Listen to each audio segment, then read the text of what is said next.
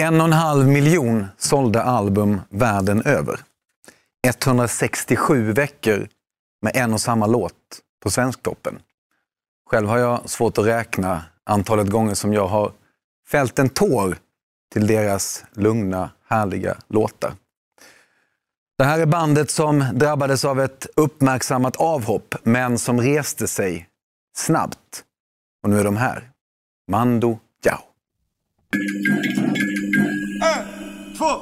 two, three.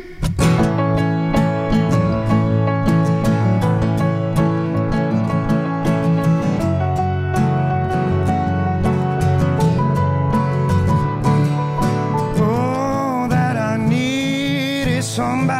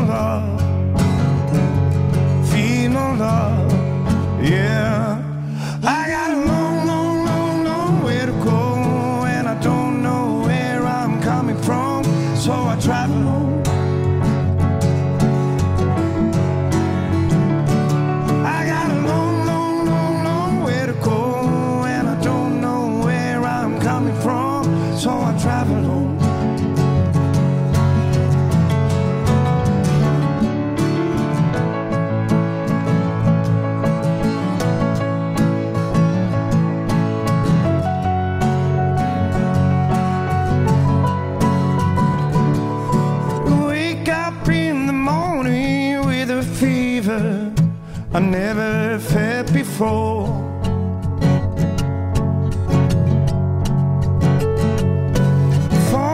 into pieces once again. I got nowhere to go. I got nowhere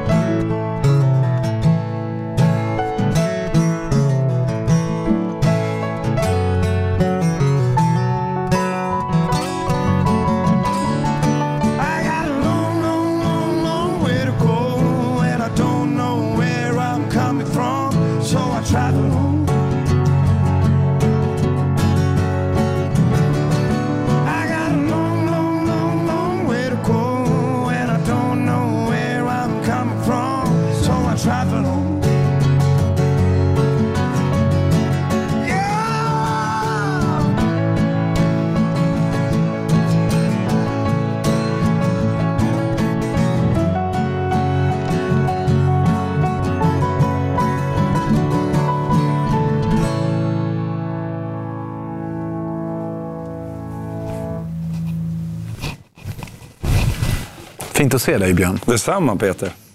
Hur mår du? Mycket bra. Det är skönt att göra det här tycker jag. Ja. Och inte sitta hemma och... Det känner säkert många igen sig. Du med kanske. Ja, men precis så är det ju. Eh, att det är svårt att vara i nuet i olika grader, men, men för de allra flesta. Eh, du svarar att du, att du mår bra, men om du tar dig hem till, till verkligheten som inte är det här som vi gör just nu. Hur, är, hur är läget då? Hemma? Är det det du menar?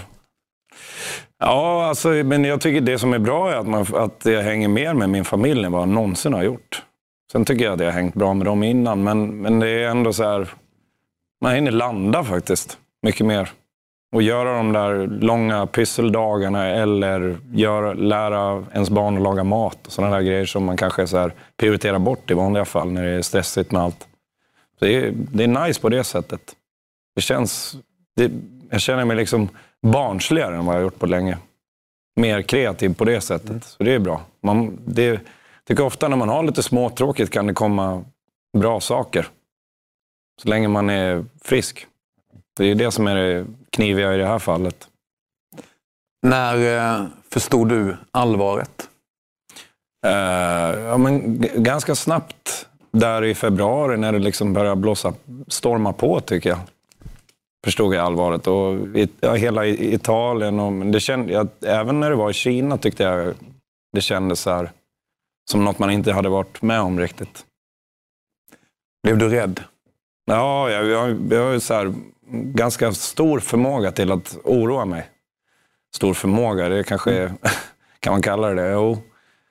Eh, så då blev det att jag plöjde alla nyheter som fanns om det. Så nu, har jag, nu kör jag lite restriktioner. Då går det mycket bättre. Jag kollar vad Tegnell säger vid klockan två varje dag. Sen så håller jag mig borta från det där. Då gick det bättre. Och sen, sen fick vi in, liksom, hade vi ganska snabbt samtal i bandet om att vi måste fortsätta vara kreativa även om vi inte ses hela tiden. och så, där. så Det går ju faktiskt för oss att jobba med musik på sjukt många sätt. Man kan skicka projekt mellan varandra och sådär. Så det har vi gjort mycket. Vi, vi spelar in som aldrig förr. Det är roligt. Om Då, då tycker jag det, det liksom botar den där rädslan mycket också, kreativitet. Mm. Det är som att den kan bota ångest och, eller vad som helst. Om jag ändå hänger kvar vid den där rädslan som jag vet att du delade eller delar med eh, väldigt många andra över hela eh, jäkla världen. Ja. Ehm, hur, hur yttrade den sig? Eh, ja, men det är den här klassiska maran liksom, som ibland kommer på nätterna och väcker en. Jag har ju lätt att sova i vanliga fall, men jag kunde få så här insomnia och vara vaken fyra timmar helt plötsligt. Ja, Utan anledning. Så det, det är oro helt enkelt, eh, som jag har känt. Så, men så får man hitta sätt att lura den där natt och dagmaran. Kreativitet. Ja. Och barnen såklart. Hänga med barn och familj och det som känns bra. Foka på det positiva också. Vilka tankar eh, tänker du eller tänkte du eh, när den här maran infann sig? då? Eh, alltså, först var jag mest bara förvånad över att det var så svårt att sova. Det tycker jag var så här, ja, som jag sa, jag blev inte van vid det. Så, men sen så förstår jag, det är lite som när vilken ångest som helst kommer på besök. Det är ju det de säger, eller det som de gånger jag har varit hos psykolog, så är det det. Det är ju ångesten man ska hålla. Den vill ju säga en någonting. Och egentligen ska man försöka hålla den i handen. Men det är lite svårt. Så det tar ett tag och man måste liksom igenom det på något sätt. Det är som att de säger att depressioner varar i tre veckor. Eller något. Det, det kan vara lite samma grej med det här kanske. Jag är ingen expert, men för min del är det så att det är, då måste jag igenom den veckan eller den tiden det tar att komma igenom just den oron eller de, de symptomen på det. Känner du någon som har, eh, har drabbats av viruset? Ja, ett par stycken faktiskt. Eh, vänner sådär. Och eh, ja, de har varit hemma. De har, det har gudskelov gått bra för dem, men eh, det finns andra som inte gör det för tyvärr. Och mina, alla, alla äldre i min släkt och närhet, de håller sig på avstånd, vilket jag är glad för. Men, eh, Hur har eh, relationen till, till nära och kära som du inte lever ihop med eh, varit under den här perioden? Jag tycker, eh, jag, mamma och pappa, vi har ju haft, eh, det är de jag tänker på först när du, när du nämner, vi har, haft, vi har haft så mycket kontakt liksom över telefon tack vare att vi nyss har gjort en svensk skiva som ska släppas 29 maj.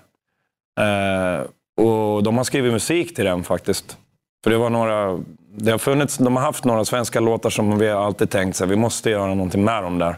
Och så har vi inte gjort några svenska skivor på ett tag, men nu så kändes det rätt att göra det. Så, och då passar de där låtarna så perfekt in. Så vi har liksom haft kontakt och vi har haft mycket kreativt utbyte. Så jag har ringt dem hela tiden. Så egentligen är det det, är det fysiska nu som... eh, Men det har bara gått ett par månader än så länge. Det kommer nog göra mer ont när det tre, om det blir tre, fyra. Men två kan man klara. Jag, inte, jag bor ändå inte i Borlänge så jag träffar dem ändå inte. Så på, det låter sjukt, men jag är ändå inte van vid att träffa dem så ofta. Så har, det har blivit andra sätt att umgås. Och pratas, pratas vid, på telefon är bra. Jag tänker på det här du nämner med det fysiska. Du och jag har ett, ett avstånd till varandra nu som, som, som vi ska ha Ja. eh, beroende på läget. Hur hanterar du det här? Att man har ett avstånd till, till andra människor? Jag hanterar det. Där, där blir jag liksom lydig på något sätt. Faktiskt. Det, går inte, det är som, alltså, måste ju gå efter vad myndigheterna säger och vad råden är. Så att, sen så känns det känns ju lite som någon science fiction-dystopi just, just mm. i att det är sådana tankar man aldrig trodde man skulle få vara med om. Det här. Att ha avstånd. Och så tänker liksom, vad får det för konsekvenser? Det är lätt att, att dra iväg i tankarna. Vad händer om det är så här en lång tid? Mm. Och här är du att vara själv nu. Om man är en människa som är själv i den här tiden. Det måste vara oerhört svårt. Så jag tänker på, på människor som är ensamma också i det här. Hemskt. Vad gör du för att, att eh, ja, men, försöka hjälpa till i, i det här läget? Uh, jag... Uh, ja, alla de föreskrifter som finns i hur man ska vara och bete sig och göra. Det är klart att jag följer dem. Uh, jag försöker hjälpa. Om jag har vänner eller folk runt omkring mig som behöver hjälp så absolut ställer jag ju upp. Jag försöker vara en god medborgare. Mm. Det är det. Vi har tillsammans med eh, våra radiokanaler eh, startat det som kallas för Lyssnarhjälpen, som är ett verktyg på Facebook där vi kan hjälpa varandra, helt enkelt vara eh, medmänniskor. Och eh, ni har fått välja en organisation som ni vill hjälpa lite, att, att bidra lite till eh, i och med det här programmet. Vilken organisation är det? Unicef. Eh, jag tycker alltid de har gjort bra saker. Eh, de, flyktingfrågan har brunnit för mycket. Eh, nu jobbar de bra med det här coronaviruset vet jag också med saker där. Eh, så jag, de ligger mig varmt om hjärtat. Unicef. Då har vi, eh, ni som tittar på det här en, en chans att eh, hjälpa Björn, att hjälpa Unicef. Och ni gör det genom att eh, swisha ett bidrag till det nummer som ni ser i rutan nu. Och så kommer de pengarna att öronmärkas för det här eh, ändamålet. Och ni kan passa på att göra det under tiden som Mando Diao går på strövtåg.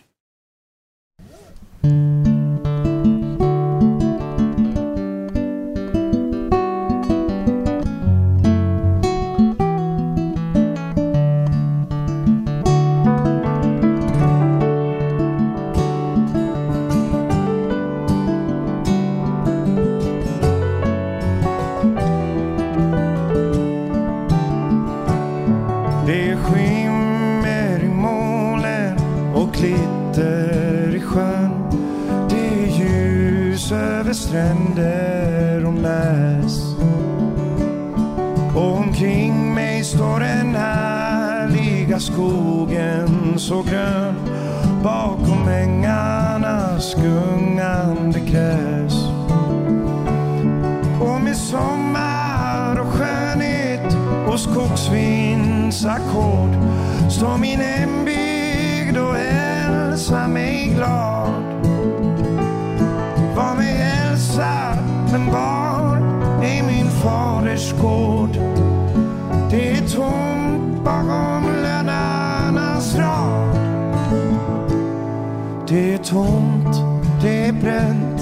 det är härjat och kallt.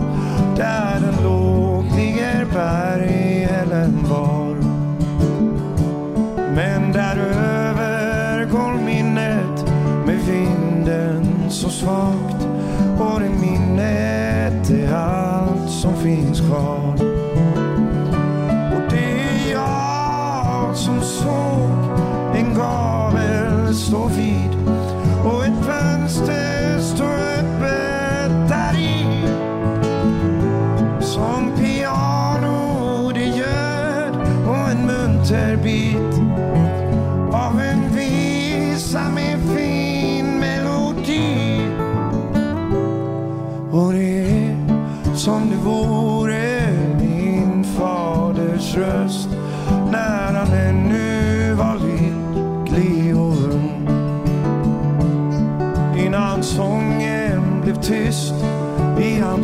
sjuka bröst och hans levnad blev sorgsen och tung.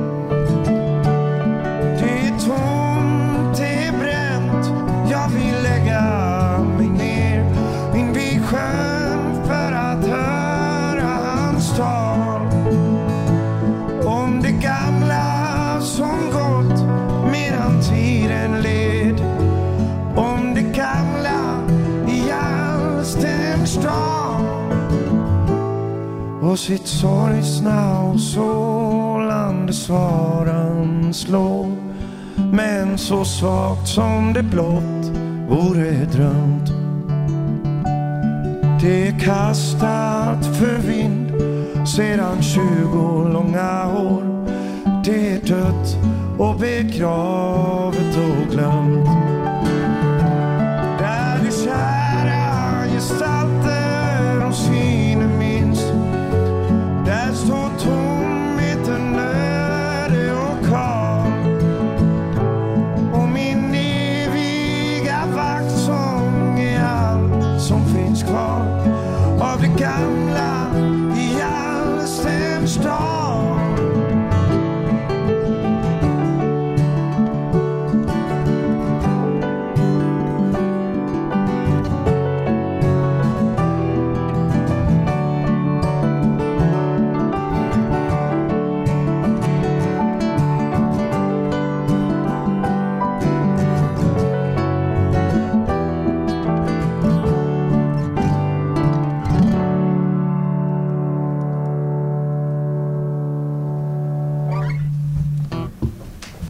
Ja, bra att du lät ringa ut där Daniel. Perfekt. Tack Björn.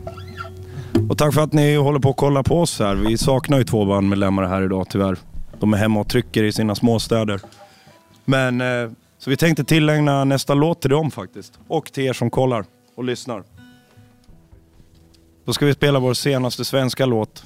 Som min mamma och pappa har skrivit faktiskt. Den heter Själens skrubbsår.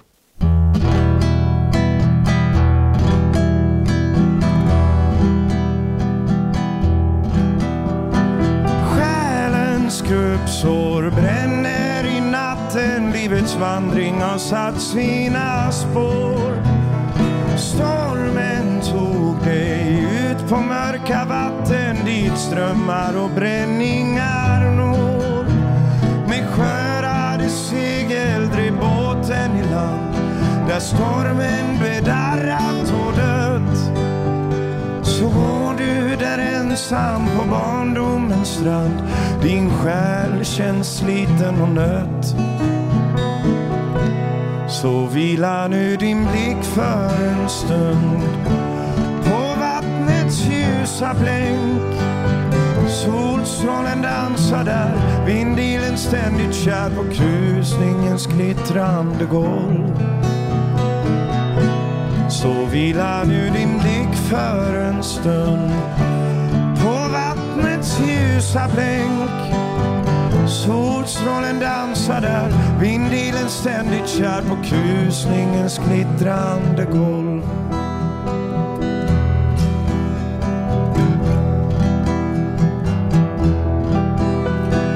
Nattens gastar väcker dig ur vilan Maran rider sin löddrig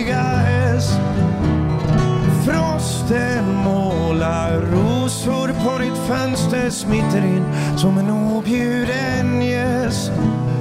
Rosorna froster i solstrålens glans som lögnen i sanningens ljus.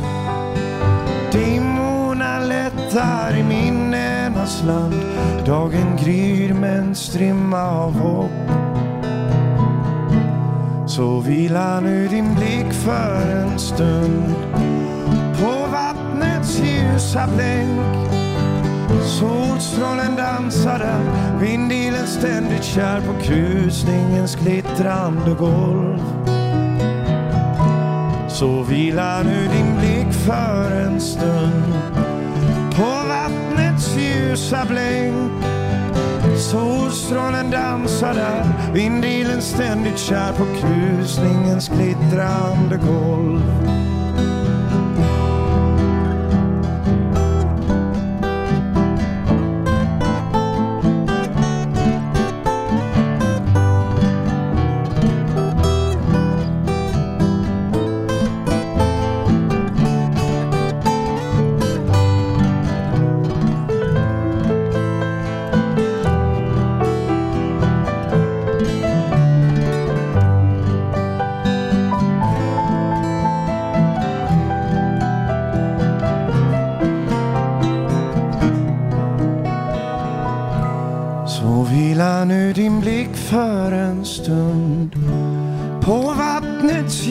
Ljusa blänk. Solstrålen dansar där, vindilen ständigt kär på krusningens glittrande golv. Jag vilar nu din blick för en stund på vattnets ljusa blänk. Solstrålen dansar där, vindilen ständigt kär på krusningens glittrande golv.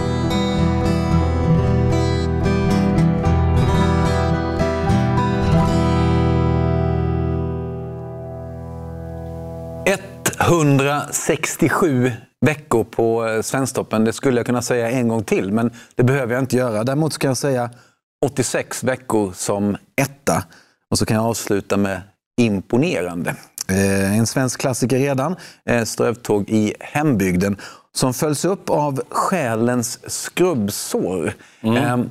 Vad tror du det var som gjorde att den första låten, den, den förra låten, Strövtåg, blev vad den är? Ja du Peter, det är ingen lätt fråga. Alltså. Det, det är ju aldrig det med musik. Hela Fröding-projektet, det hände ju på grund av att eh, Gustavs svägerska, Gustav som var med i bandet förut, hade en idé om att vi skulle tonsätta en eh, liten obskyr utställning på Carolina Rediviva biblioteket i Uppsala. Så Gustav gjorde den första låten och vi tyckte, ja, hela bandet tyckte shit, det där blev bra. Den hette Snigens visa. Mm. Så gjorde vi fler, då blev det automatiskt att vi gjorde liksom tio stycken. Och sen när vi hade de där tio tonsättningarna, då spelade vi in dem, men lite mer som att det var en hobbygrej, eller vi måste se hur det här låter. typ. Sen tyckte vi att det blev bra. Och sen så började vi shoppa runt det till skivbolag och sådär och alla sa bara blankt nej, utom ett. Eh, som hakade på och sen blev det ju bra. Men det var ingenting vi hade räknat med. Att det liksom skulle knyta an. Men jag tror Dels är ju såklart låten bra, men eh, jag tror alltså, texten i sig är ju en hit. Liksom. Det, det visste inte jag när jag hade satt med det där Gustaf Frödings eh, diktsamling. Jag har ingen aning om det. Att liksom själva dikten i sig var så stor. Men det tror jag är en bidragande orsak också, definitivt. Och det svenska nya som kommer nu då? Ja. Vad är det? Det är, mer, det är mer av oss skulle jag säga. Det är ganska många låtar som vi har skrivit i bandet eh, helt själva. Sen är det två Karin Boye tonsättningar. Det är en Nils Ferlin också. Vi har, vi har breddat oss ordentligt. eh, och sen är det ett par Fröding också. Och sen är det mina föräldrars eh, låtar. De har fyra stycken. Så de, de har mest av alla faktiskt. De passade så bra. Det, det, det blev att vi gjorde en skiva med Mando därför att jag höll på med musikföreställningen med Malmö symfoniorkester nere i Malmö. Den skulle ha gått upp nu i maj, men den kommer bli framflyttad mm. till 2021. Uh, eh, så där började jag skriva lite nya tonsättningar. För, för den föreställningen var baserad på Infruset-skivan. Mm. Uh, men så kände jag också att jag måste skriva mer till det. Liksom. Det är rastlösa kreativa själen som ville ha mer. Så då skrev vi en massa mer till den. Och sen så kändes det naturligt att spela in en skiva med Mando med de låtarna också. Så så är det. Ungefär. Förstod du något? Ja, men jag är med. Jag är med. Mamma och pappa. Ja. Att eh, jobba med dem eh, och ha dem som huvudproducent ja, eller huvudskrivare eh, på skivan. Hur är det? Mäktigt. Uh, det jag vill inte att de i bandet skulle ha några förutfattade meningar när jag presenterade de där låtarna. För det kan ju vara så här, ja, är det din farsa som är det farsan din som har skrivit låten? Man vill inte ha den, just där, den kopplingen. Så jag demade dem faktiskt själv. Mm. Så de inte förstod att det var mamma och pappa. Så de bara, det här är de bästa låtarna du har skrivit eller något, sa de i bandet. Och jag bara, ja, perfekt. Så det var, det var en bra reaktion. Liksom. När, när, när, när tog du fram sanningen då? Nej, direkt då. Det, jag skäms inte för mina föräldrar. De, det, det har alltid varit så högt i tak när det gäller musik och det har alltid florerat så mycket musik hemma hos oss. Även om mina föräldrar inte har jobbat professionellt med det och släppt musik och sådär så är det... De har alltid skrivit musik. Och jag har bara väntat på den dagen då det skulle komma en skiva då, eller ett projekt där liksom deras musik skulle passa in. Och det var perfekt nu. Så på den vägen ungefär. Um Ja, det är så häftigt att, att, att, att vänta på det här. Eh, Den här skivan då? När Ja. kommer den? Den kommer 29 maj. Och det är for sure. Det är, ja, så länge liksom, det går att släppa den, men det måste det väl göra. Digitalt annars. Eller hur? I värsta fall, om det inte går att få ut den fysiskt alls så får det bli digitalt. Vad kan du ha för förhoppningar på det här nya svenska då, efter eh, Infruset? Vad Alltså, tänker du där? Ett par gånger i vår karriär så har jag haft stora förhoppningar. Ja, bland annat när vi hade vår allra största hit någonsin som var Dance with somebody. Då tänkte jag att nästa låt kommer bli minst lika stor, men så funkar det ju inte. Eh, så jätteofta. För några få kanske i världen har det funkat så. Så jag har faktiskt inte så mycket förväntningar. Däremot är jag fruktansvärt glad över att skivan blev så bra. Och att vi har gjort den på det sättet vi sa från början. Vi har inte liksom...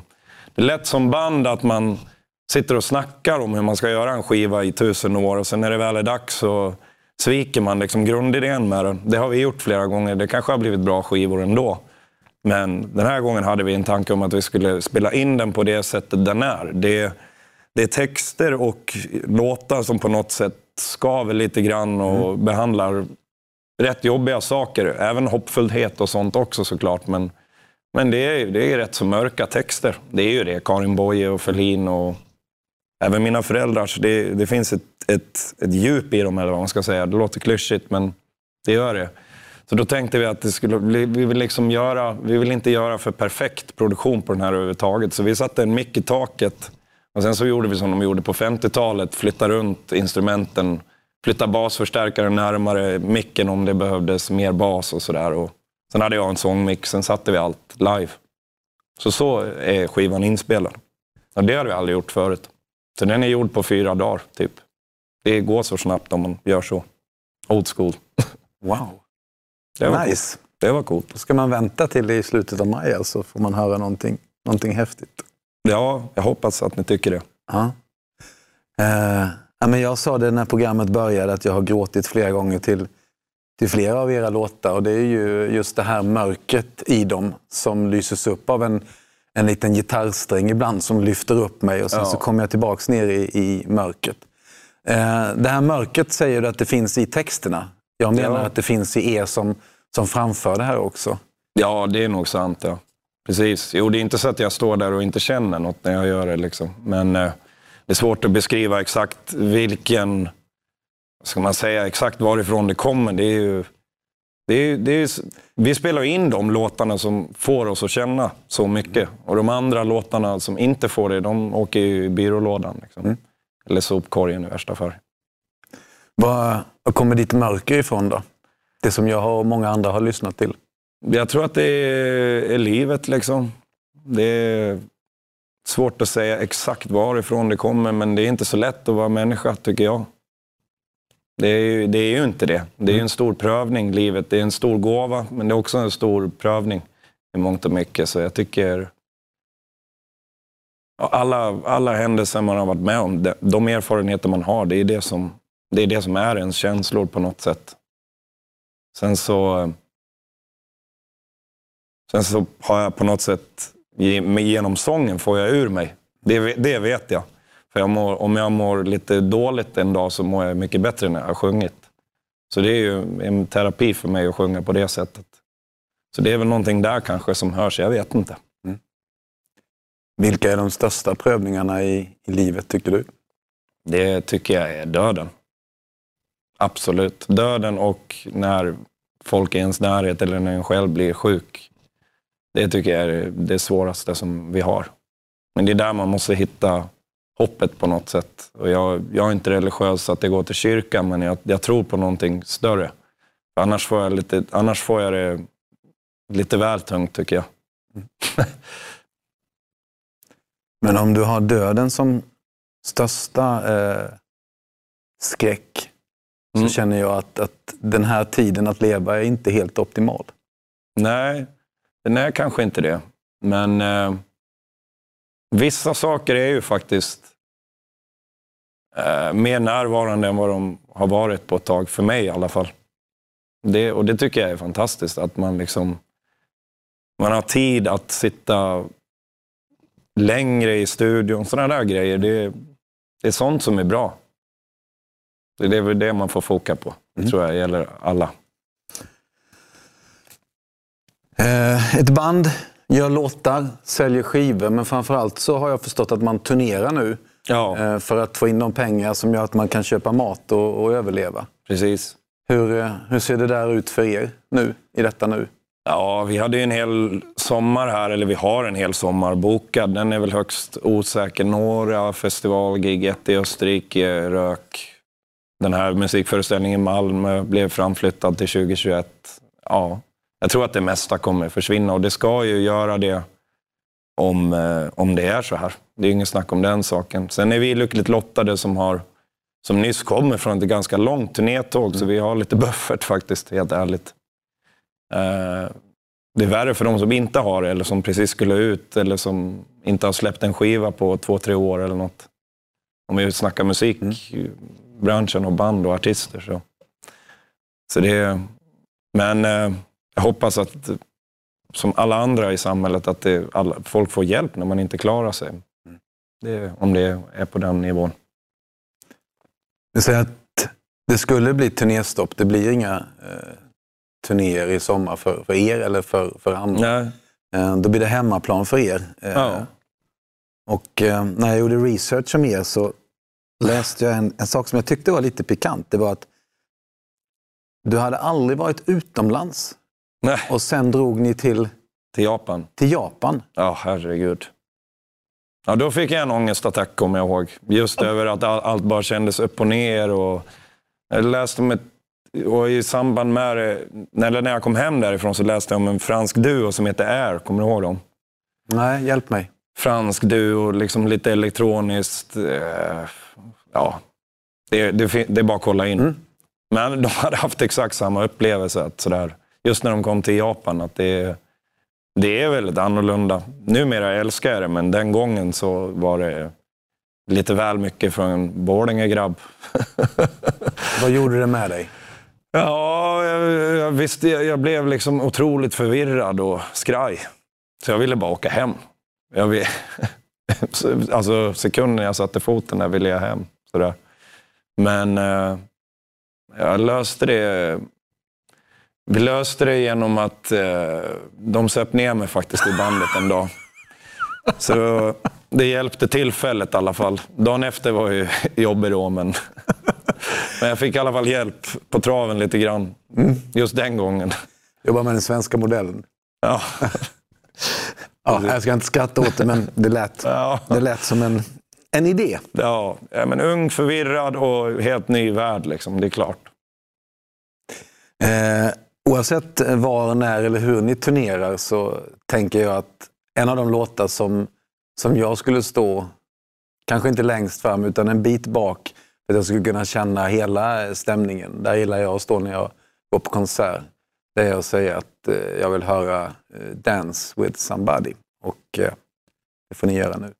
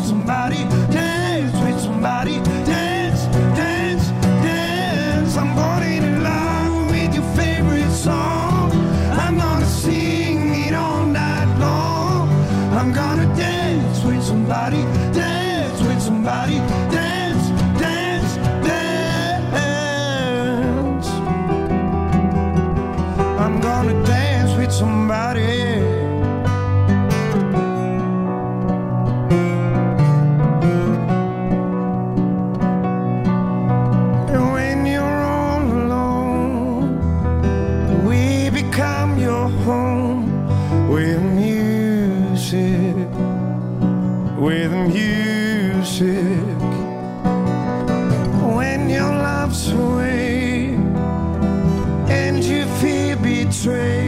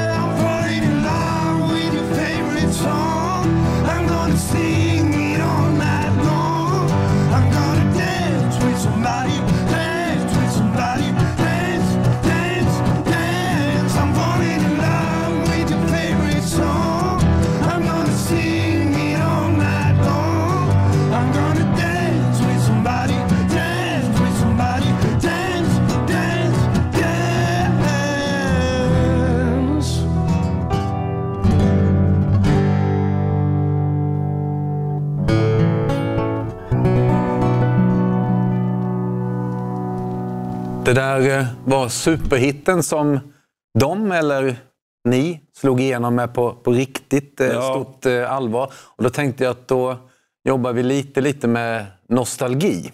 Det, det är Eh, roligt. Och den enkla frågan är... Vad Kan är det, vara roligt, förlåt. Ja. vad är det bästa som har hänt dig i livet? Mina barn, såklart. När båda de kom. Det är fantastiskt. Den ena var ju vid vägkanten, så det var ju väldigt dramatiskt. Min fru var envis och stannade hemma. Eller vi var ute på hennes föräldrars skärgårdsställe och hängde. Så eh, började hon få verkar och sen så envisades hon ändå med att det var andra barnet som bara, det tar så lång tid andra gången så det är bättre, att, det är bättre att vi är här och diskar och städar lite, typ, innan vi åker in. Så eh, det blev lite körigt. Så halvvägs in, in till BB fick jag stanna längs vägkanten. Den var, så jag, jag, det, jag är lite förlossningsläkare också. Eller en gång har jag varit det i alla fall. Oh shit, ja, du ser hur jag ser ut. Ja. Hur- Men hur, hur var det? Hur var den situationen? Ja, mäktig och liksom som någon så här stenålderskänslor i kroppen. Så här, ur, urkänslorna kom verkligen. Och liv och död som aldrig förr. Jag har känt. Men sen otroligt mäktig och stor lycka såklart när det, allt gick så bra. Så det, ja, det var häftigt. Vad, vad, vad lärde du dig eh, om dig själv eh, eller om er efter den situationen? Ja, att jag kanske inte var... Jag trodde att jag ärvt min pappas blodskräck lite grann. Han har lite blodskräck. Men det hade jag inte gjort sådär. Det gick rätt bra faktiskt. Så sånt lärde jag mig om mig själv. Jag kanske inte behöver vara så rädd för att gripa in om det händer något. Typ. Nej, det var mäktigt. Det var mäktigt, såklart. Wow. Eh, du är bra som förlossningsläkare. Då. Nej, men får inte leja mig nu. Det, det ska ni inte göra. Nej. Det blir inget bra. Nej. Det finns folk som kan det här ju. Ja. Jag lovar. Eh, Lovar du? Ja, hur, hur, eh, hur, eh, hur blev du som pappa? Eller hur är du som pappa då? Bra hoppas jag. Ja, det vet man ju inte. Det måste man ju fråga sina barn om. Och kanske, Hur vill du vara? Jag vill vara närvarande och jag vill vara kärleksfull. Det är de två. Här är eh, bilder som jag har plockat fram i ett eh, fotoalbum över eh, Uff. Mando Diao. Ja, den där var inget vidare. Där har vi spelat på en ungersk festival som heter Siget, som är en av de större i Europa. Så vi var så här extatiska och hade lite bussfest just i den där bussen. Och sen gick alla och la sig vid tre rycket eller något. Och sen vaknade vi av att det small där i... Ja, du, du ser ju, vi körde in i den där balken. Liksom. Så chauffören hade nog suttit och tittat på något annat tror jag. Eventuellt en telefon. Mm. Det vet vi inte riktigt. Inte, det är svårt att få något svar på det. Men, men eh, och, ja, i vanliga fall är ju sådana där balkar lösa. Som, de som varnar för tunnlar och sånt. Men den där eh, sitter ju fast som berget. Det var inget vidare. Och Kalle Johan låg ju där, liksom, vår basist. Så han blev ihopklämd av en massa sängar. Och de skriken glömmer jag aldrig. Alltså. Det var vidrigt. Hemskt. Sen var det ett under att alla klarade sig oskadda och att vi fick ut honom så pass snabbt som det, som det gick. Vi har en fantastisk turnéledare som var liksom ja, 20 minuter innan brandkåren kom så fick han ut honom. Liksom. Så. Ja, det var hemskt. Jag vet att han lider av det fortfarande. Det är, turnébuss är inte så kul för Karl Johan. Så eh, nej, man ska passa sig. När du tänker på det här idag, vad skapar det för, för känslor hos dig? Just nu när vi sitter här så är det overklighetskänslor. Det där ser ju helt makabert ut. Men det gör ju trafikolyckor. Det är, det är hemskt liksom. Sen eh, för oss såklart en lättnad att det gick så bra. Mm. Men, sen, men det är det här med att, att tänka framåt också. På något sätt som vi fick gå in i. Det fick vi göra ganska snabbt, för vi hade en turné där vi... Så här, finns det inget annat sätt att, än att åka turnébuss ganska snabbt in på det där, så då fick vi liksom... Ja, ska vi hålla på med det här eller ska vi liksom inte göra det? Det blev lite så. Det var vi, så, vi alltså, tog ett, ett aktivt val att göra det ett par månader efter det där. Men ja, det, det är inte ultimat. Det är inte ultimat för miljön heller. Så eh, vi, vi får skrota det där till slut, tror jag. Men du menar att det här skulle ha kunnat satt punkt för eh, Mando Diaos turnerande? Är det det vi pratar om? ja, om det hade gått värre än sådär, faktiskt. För det, hade vi kört lite snabbare till exempel, du ser ju det där är, han kanske körde i, i 30-40, det var ju den stora räddningen. Liksom. Men man sover ju här, liksom. Mm. I en sån där rackare. Hur sover ni nu för tiden om ni sover i en buss? Bredvid varandra? Nej. nej, då, men, nej, folk vågar inte sova bredvid mig i bandet. Jag är kärlekskrank på nätterna. Jag kramar ju folk och sådär. Så det, det slutade med att jag hade handen innanför någons kalsonger någon gång. Det blev inget bra tyckte de. Så eh, jag är livsfarlig att sova bredvid. Okej. Så du har egen... Tycker inte min fru Nej, jag tänkte det, just det. är, det är tur det i alla fall. Men de i bandet tycker det. Nej, men det kan ju vara roligt också. Det kan ju vara som att vara på kollo alltså, sådär, och man känner att nu är vi på väg någonstans. Så det är klart. Vi, vi håller ju på med det och det är inte bara Mm. för att tjäna pengar utan det är för att det är kul också.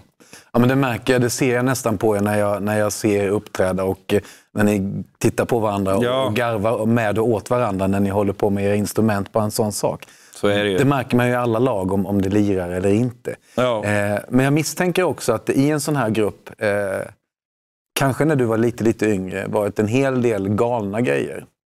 Som inte handlar om en, en, eh, en krasch.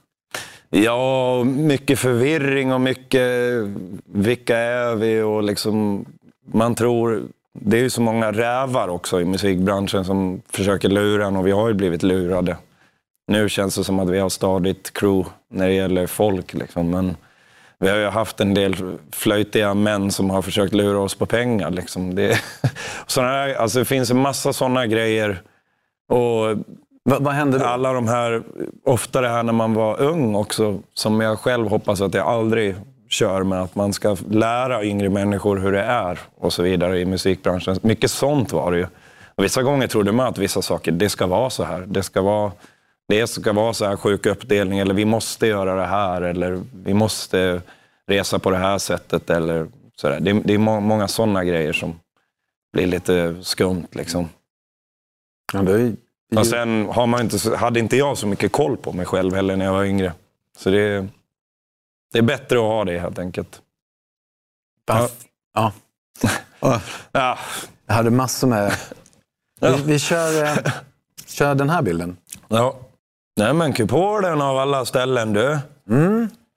Ser du, de har gjort någon skumgrön färg på den där. Ett tag var den, den var ju vit från Mm. början, men den var felbyggd så det var ju bara en massa smog ovanpå den. Så de, nu har de gjort den sådär. Ja, det där pajar ju hela stadskärnan faktiskt, tycker jag. I Borlänge. Vi då, eh, När jag var ung, när jag var liten, jag var väl 91 va? När den kom tror jag. Mm. Och var klart. Då tyckte jag det var grymt för det fanns en massa saker där som aldrig hade funnits. Hamburgerkedjor och sådana där grejer. Men eh, ja, det är inget favoritställe för mig direkt det där. Men om vi sprider oss utifrån kupolen och ser den som en, en, eh, en, en av många bilder från, från Borlänge. Eh, om att vara eh, musiker, ja, men jag säger speciell, som jag tycker att du är, eh, i en stad av Borlänges storlek, runt 50 000. Hur var det? Ja, det gäller ju att ha lite skinn på näsan faktiskt. Eh, och inte liksom armbåga sig fram med våld, men att inte bli knäckt av liksom alla konstiga kommentarer man kunde åka på. För det gjorde man ju. Man hade långt hår och second hand-kläder och ibland gick i filttofflor till skolan som jag gjorde. Det är så här klassiskt tror jag. Eller var i alla fall. Det, jag, jag får för mig att det är annorlunda nu faktiskt. Jag hoppas det.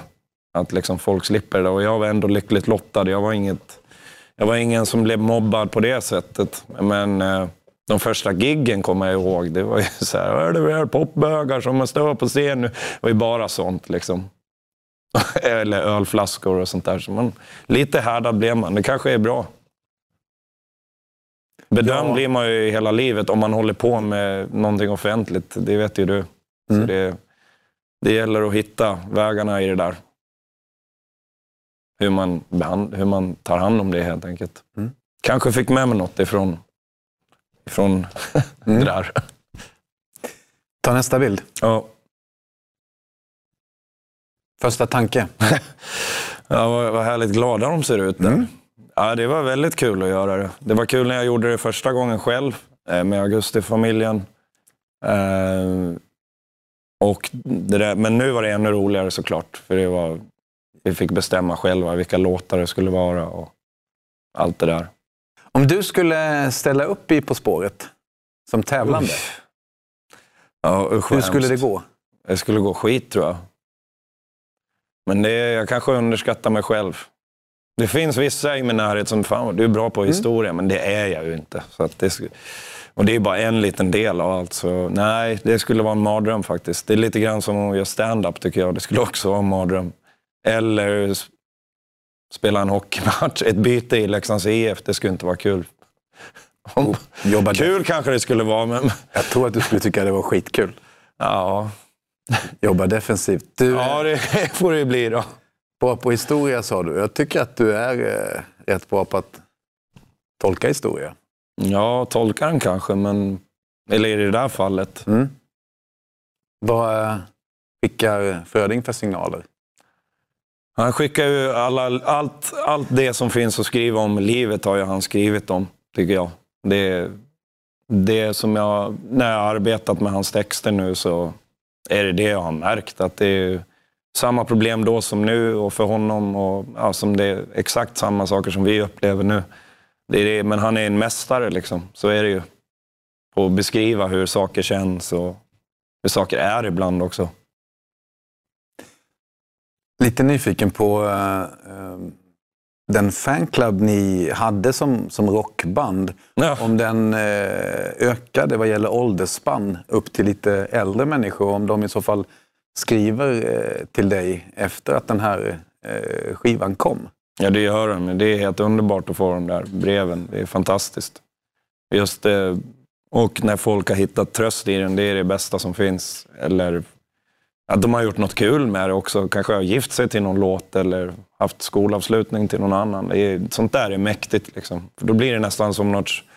Det blir det någon funktion i musiken. Det låter lite torrt, men det är, ja, det är, det är helt underbart. Och det är ingenting som går att planera, men det har blivit så med många av de där sångerna. Eh, Så det är mäktigt.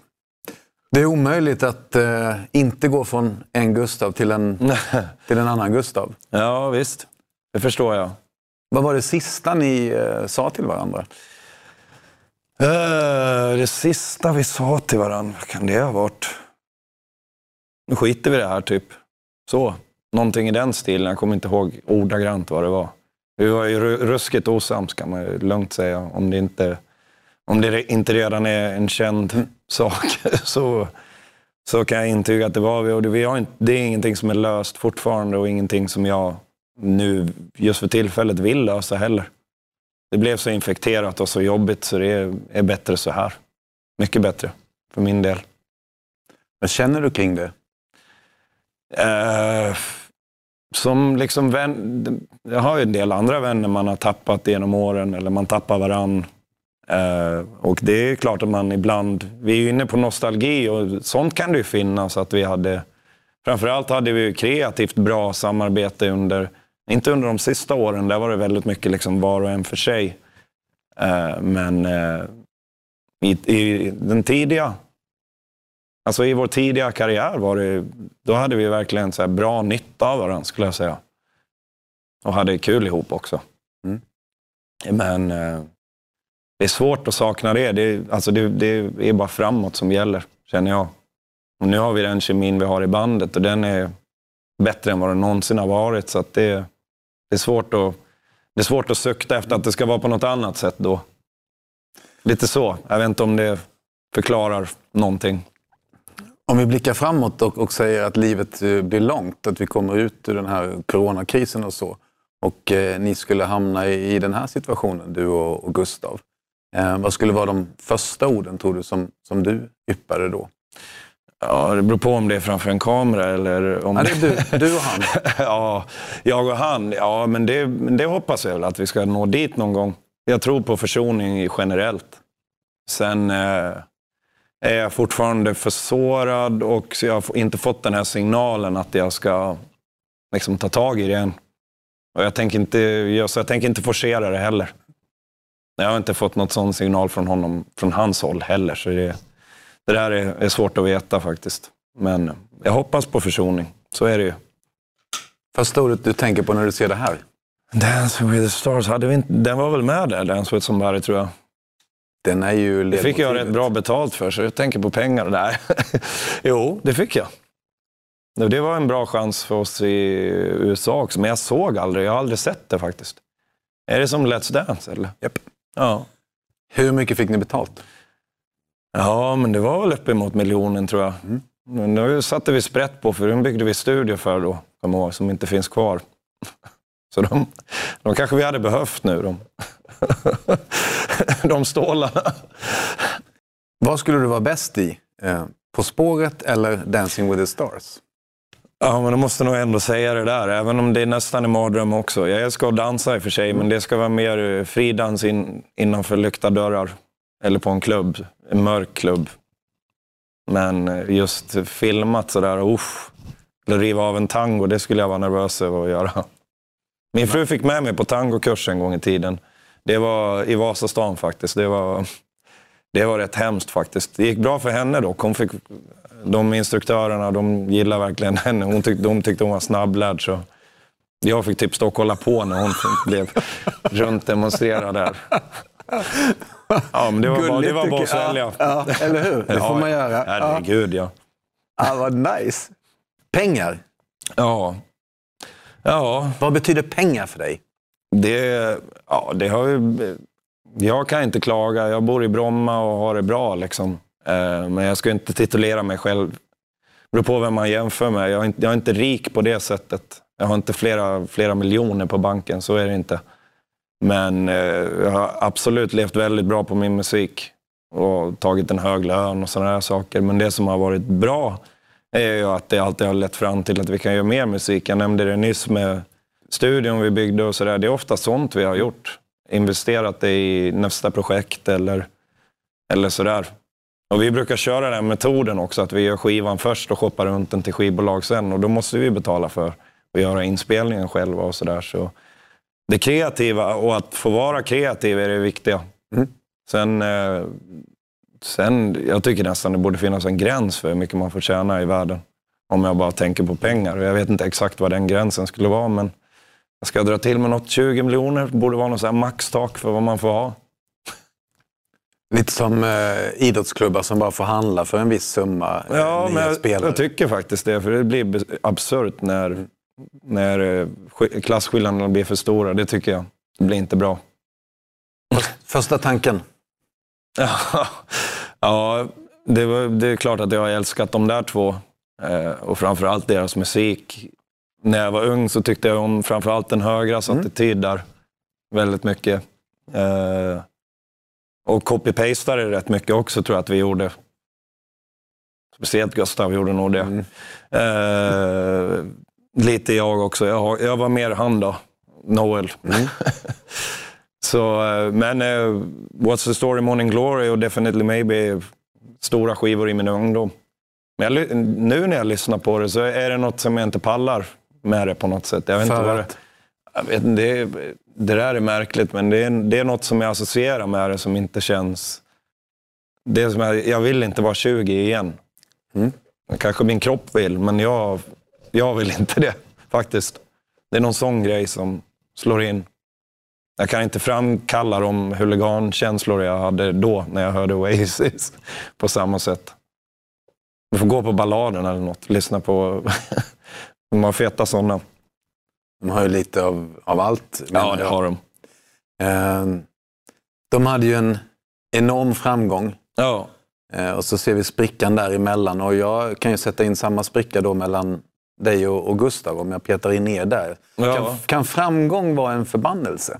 ja, det tror jag definitivt. Det har gjort saker med både, både mig och säkert för Gustav också. Det måste han ju svara själv på. Men ja, det gör det ju. Det, och, men för min del har det mest varit... Min fru säger jag, jag håller dig på jorden tills den dag jag stupar. Mm. Eh, Så hon jobbar rätt hårt på det. det är bra, det är bra test också. Det är aldrig så att det är stora liksom... Hon tycker att vi är fantastiska, det är inte det liksom. Men, men det är också brutal ärlighet som, jag, som man kan behöva ibland också. Speciellt typ om jag har suttit och gjort en massa demos som jag själv är så här rånöjd med och tycker det är John Lennon-klass på. Då kan man få liksom... Då kan jag få pinsamma tystnader och sånt som svar. Kan, ibland är det sjukt bra. Vore spännande att träffa din, eh, Ja. din fru. Du får ringa henne Peter. Ja, men nästan. Hurdan blir du då om, om fötterna lyfter från jorden? Vad är det som händer med dig? Ja, Man kan ju dra iväg bara, tycker jag, och köra över folk. Det, och det tycker jag är, det vill man, Jag vill inte vara den personen, den som blir nar, för narcissistiskt lagd. Det är ganska narcissistiskt att vara artist på många sätt. Det är ganska mycket självfixering och hur ser jag ut idag och hur låter jag idag och allt det där. Liksom. Det där vill jag vara i så pass, ganska lite alltså. Det räcker med det, liksom, den stora teatern man tar upp på scen, för det är någonstans också en teater, även om det är en själv.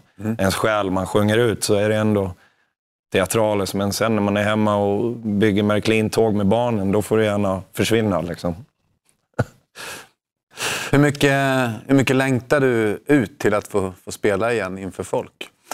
Eh, ja, men det finns alltid en längtan och det finns alltid liksom den här eh, bekräftelsedelen i mig också som suktar efter det. Och kemin på scenen. Allt det där finns ju. Det, har man en gång börjat så går det inte att sluta på något sätt, tror jag. Bill Withers gjorde ju det, han som tyvärr nyss gick bort. Mm. Jag vet att han slutade och körde gardening, men det, jag kan inte hans historia så. Men han blev ju less på allt, men jag har inte blivit det. Så, så suget finns ju där. Men just nu så botar du genom att spela in då istället. Så Och ni botade genom att eh, spela här. just det, gästa oss och eh, bjuda på eh, ja, men den bästa musik som, som ni har gjort och den musik som, som jag tycker om och som jag hoppas att ni också tycker om.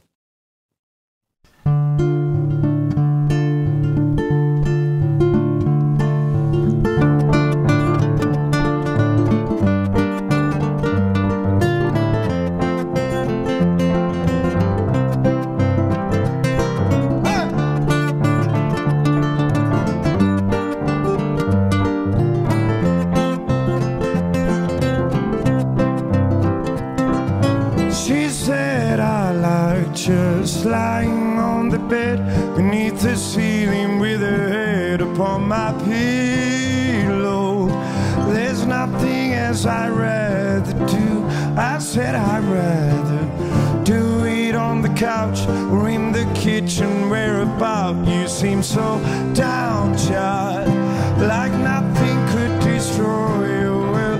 But I never wanted to. You never ever let me do. I will, but you must wait till it gets dark. So what is it that you want me to? I can make it if it's good for you. Now play me some from 1954.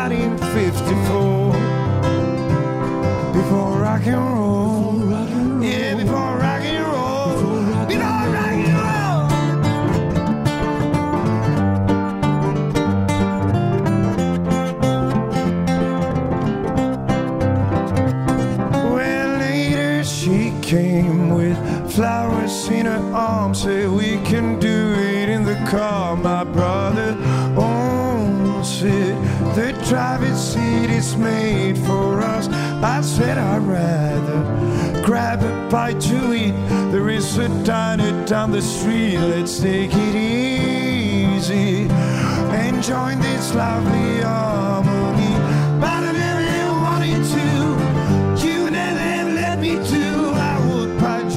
Wait till it gets dark. So what is that you want me to? I can make it if it's good for you. Now play me some from 1954. Before rock and roll.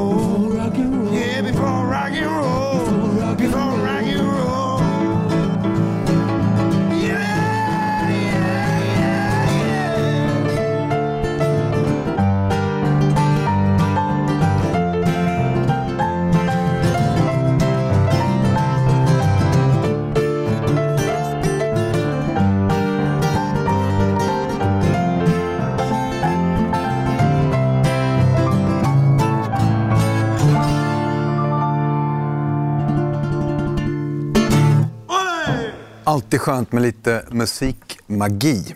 Tack så mycket för att ni tittat och tack så mycket för att ni har varit med och bidragit. Det här var Lyssnarhjälpen, eh, Music Sessions med Mando Diao.